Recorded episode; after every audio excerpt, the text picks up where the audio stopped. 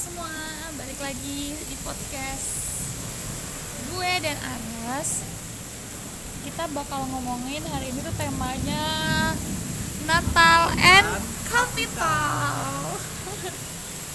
Oke, gue akan buka podcast ini ngomongin soal jadi sebenarnya kan santer beredar ya kabar-kabar sebenarnya bener juga sesuai fakta sejarah gitu bahwa uh, Yesus itu uh, adalah dulu itu seorang yang memberontak dari uh, kerajaan Romawi ya kan? Nah bagaimana akhirnya hari ini apakah masih relevan perjuangan Yesus melawan kapitalisme? Oke gimana nih? Gue bakal tanya langsung aja nih ke uh, orang yang berideologi Marxisme Leninisme. Terus far left uh, apa uh, Eropa kritisism dan seorang Zizekian uh, gue perkenalkan namanya adalah Hanan Radian Arasi. Gimana nih? Ngomongin soal perlawanan Yesus dan zaman hari ini zaman kapitalisme. Kalau gue pikir kompleks. Soalnya kan Yesus dibaca sama orang-orang generasi modern khususnya abad 21 sebagai seorang tokoh, nabi, Tuhan dan semacamnya yang menyebarkan ajaran dan mengakibatkan setiap orang pun melakukan perlawanan dan konteksnya hari itu adalah perlawanan terhadap kekaisaran Romawi. Ini pasti ditentang habis-habisan sama orang-orang zaman sekarang mah. Ditentangnya ah mesianis. Ah Yesuit dan semacamnya dan semacamnya dan sebagainya ya zigzag banget sih ya kalau gue pikir-pikir lagi kan artinya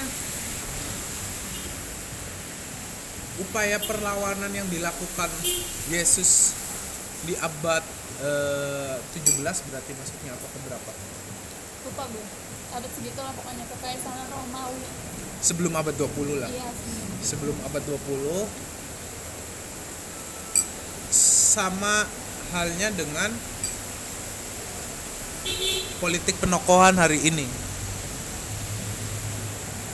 Kita banyak lihat di televisi, surat kabar, media sosial, dan sebagainya yang mencoba mengulangi narasi-narasi teologis dengan mengusulkan salah satu tokoh untuk meraup kepentingan-kepentingan politik.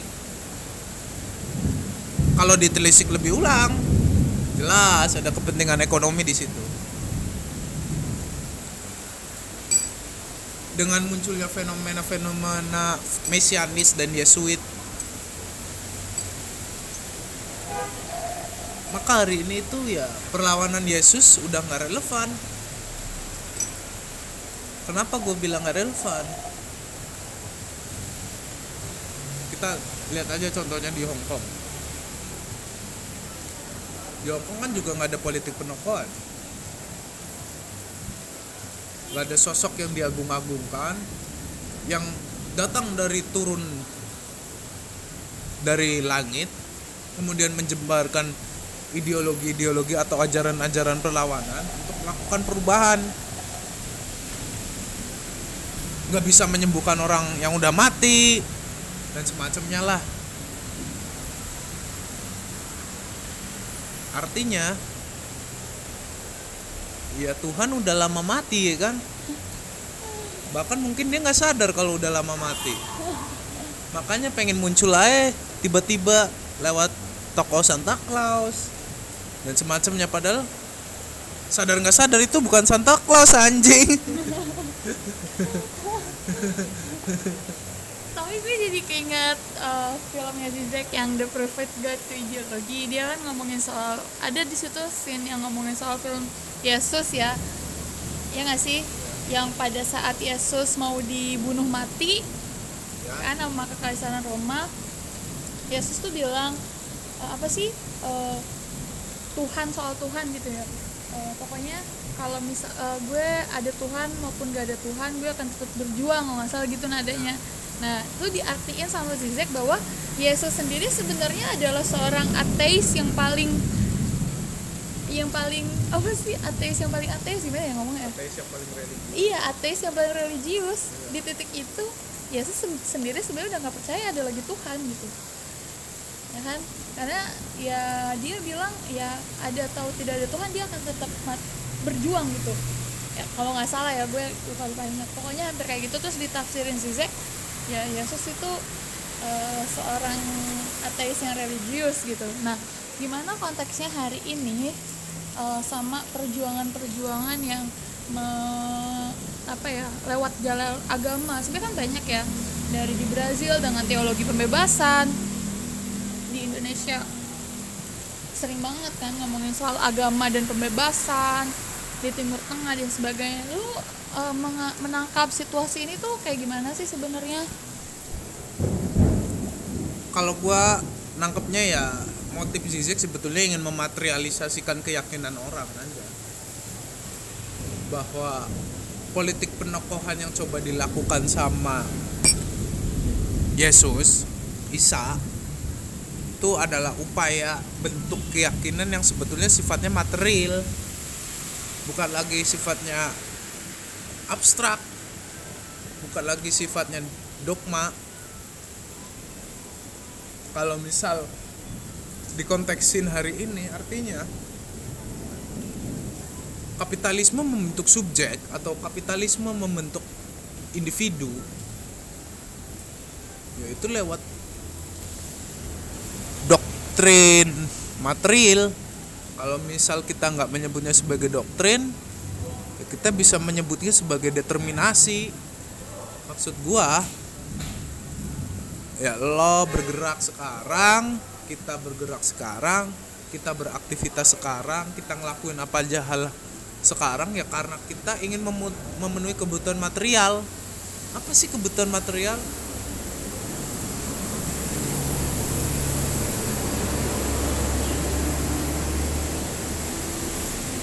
ya kalau bisa gue bilang kebutuhan material nggak cuma sekedar urusan biologis. Ya biologis iya. Tapi lebih lebih dari sekedar urusan biologis. Apa misalnya? Contoh seseorang ingin melakukan perilaku aktivitas ekonomi. Dia berjualan dia membentuk perusahaan dia bekerja dan semacamnya. Ya secara esensial kerja-kerja manusia artinya kerja-kerja material nah ini yang dibaca dari konteks bahwa sebetulnya Yesus yang ateis adalah orang yang paling religius.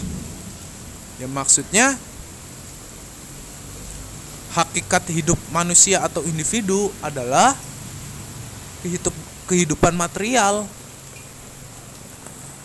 Di titik itu gue yakin kalau sebetulnya surga itu ya bentuknya material. Apa sih surga yang bentuknya material? Ya lo bisa sekarang buat yang doyan apa ya? Doyan makan doyan ngebar doyan dugem dan semacamnya ya lo di dunia ini bisa terpenuhi kan? Nah ini yang maksud gua salah satu bagian dari bentuk material.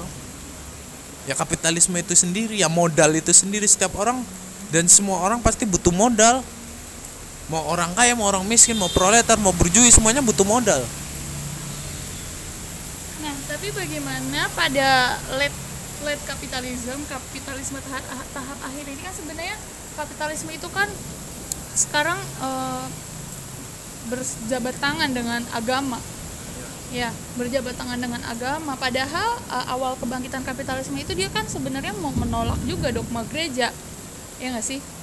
Awal bukan awal kebangkitannya sih, pas lagi berkembang dengan pesatnya. Sebenarnya kan kapitalisme udah ada sejak akumulasi primitif kan.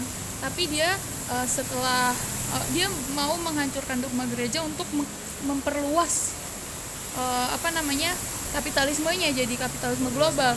Iya memperluas modalnya. Iya nah itu kan. Tapi hari ini malah kapitalisme berjabat tangan dengan agama. Kayak misalnya rabani ya banyak lah Natal jangan. Oh iya oke, konteksnya Natal misalnya ya kita harus pakai baju mewah buat hari Natal. Ya kan? Terus kita harus Pakai eh, pakaian eh, eh, Santa Claus menyebab di TV. nonton TV. Terus Santa Claus itu harus ngasih hadiah segala macam segala macam itu kan sebenarnya kapitalisme masuk kan lewat agama gitu. Apa yang menyebabkan konteks seperti itu? Apakah kapitalisme sebenarnya udah lemah sampai harus berjabat tangan dengan agama?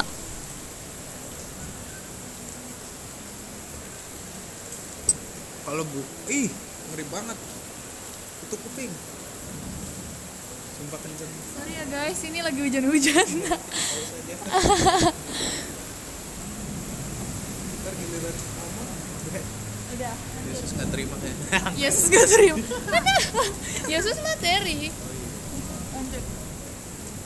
ya maksud gua eh kalau misal tadi ngomongin tentang kapitalisme dan agama kenapa akhirnya di tahap akhir kapitalisme yang seiring perkembangannya pada poin tertentu kapitalisme menolak dogma-dogma agama dan melakukan sekularisasi kehidupan masyarakat. Tapi hari ini kapitalisme berjabat tangan bahasa uli kalau menurut gue lebih dari berjabat tangan bermitra bahkan dengan agama. Ya kalau sepemahaman gue sih ya itu bagian dari kalau bisa dibilang ya kelemahan kapitalisme. Tapi apa kelemahannya? Kalau kita percaya ya kapitalisme have the trouble. Kapitalisme punya masalah. Sedari awal apa masalahnya? Ya itu surplus value-nya. Kelemahan kapitalisme itu surplus value. Kenapa mungkin kita ngelihat bahwa surplus value itu mau Yang mengembangkan kapitalisme. ya dan kita banyak juga lihat bahwa kapitalisme hari ini kuat dan bisa ada di mana-mana bahkan di seluruh penjuru dunia karena ada surplus value. Tapi kalau balik ke Marx surplus value itu justru kelemahannya kapitalisme. Yang mengubur kapitalisme adalah pundi-pundi modalnya kan nah dari sini sih gue pikir rele gue sih masih yakin itu relevan. Kenapa relevan? Apa ya? Pemumpukan modal kan harus juga diimbangi dan dibarengi oleh eh, upaya inovasi terus menerus. Iya. baik sifatnya yang teknologi eksploitasi alam buruh dan semacamnya dari situ menurut gue muncul letupan atau patahan-patahan. Kalau di buruh muncul gerakan buruh Heeh. kalau di alam muncul bencana alam dan gerakan aktivis ekologi Lingkungan. atau aktivis lingkungan. Kalau konteksnya di mana lagi? Alat produksi. Dia Alat harus produksi. alat produksi alat- seefektif mungkin. Ya misal tanah muncul gerakan orang yang menolak perus- eksploitasi lahan senjata lahan dan semacamnya. Ini kan apa ya? Sedikit demi sedikit kuburannya udah mulai digali. Jadi ya memang belum runtuh memang belum runtuh tapi ini prosesnya udah proses akhir artinya li. Iya, iya. Jadi sebenarnya gue eh, ini sih all you apa ya kayak eh, semua yang kita butuhkan di hari di Christmas ini di hari lahir Yesus ini means of production gitu.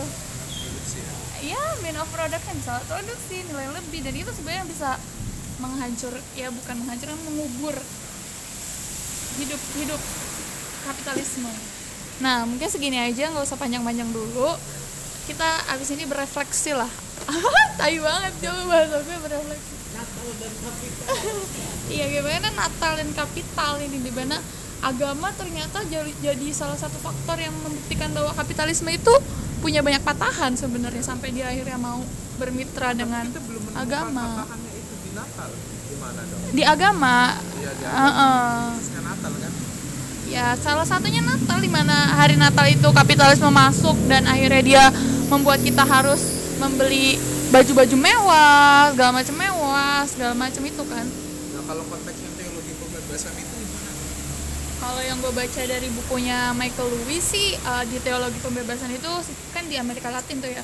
Jadi di sana itu mereka uh, apa mela- me- apa ya gere- mempunyai istilah gereja untuk orang miskin. Dia pakai dalil-dalil agama tapi dalil agama itu ditarik ke arah kiri ke arah sosialisme lah gitu. Nah di situ berarti artinya gereja untuk orang miskin. Mm-mm, ini kan yang jadi patahan kapitalisme.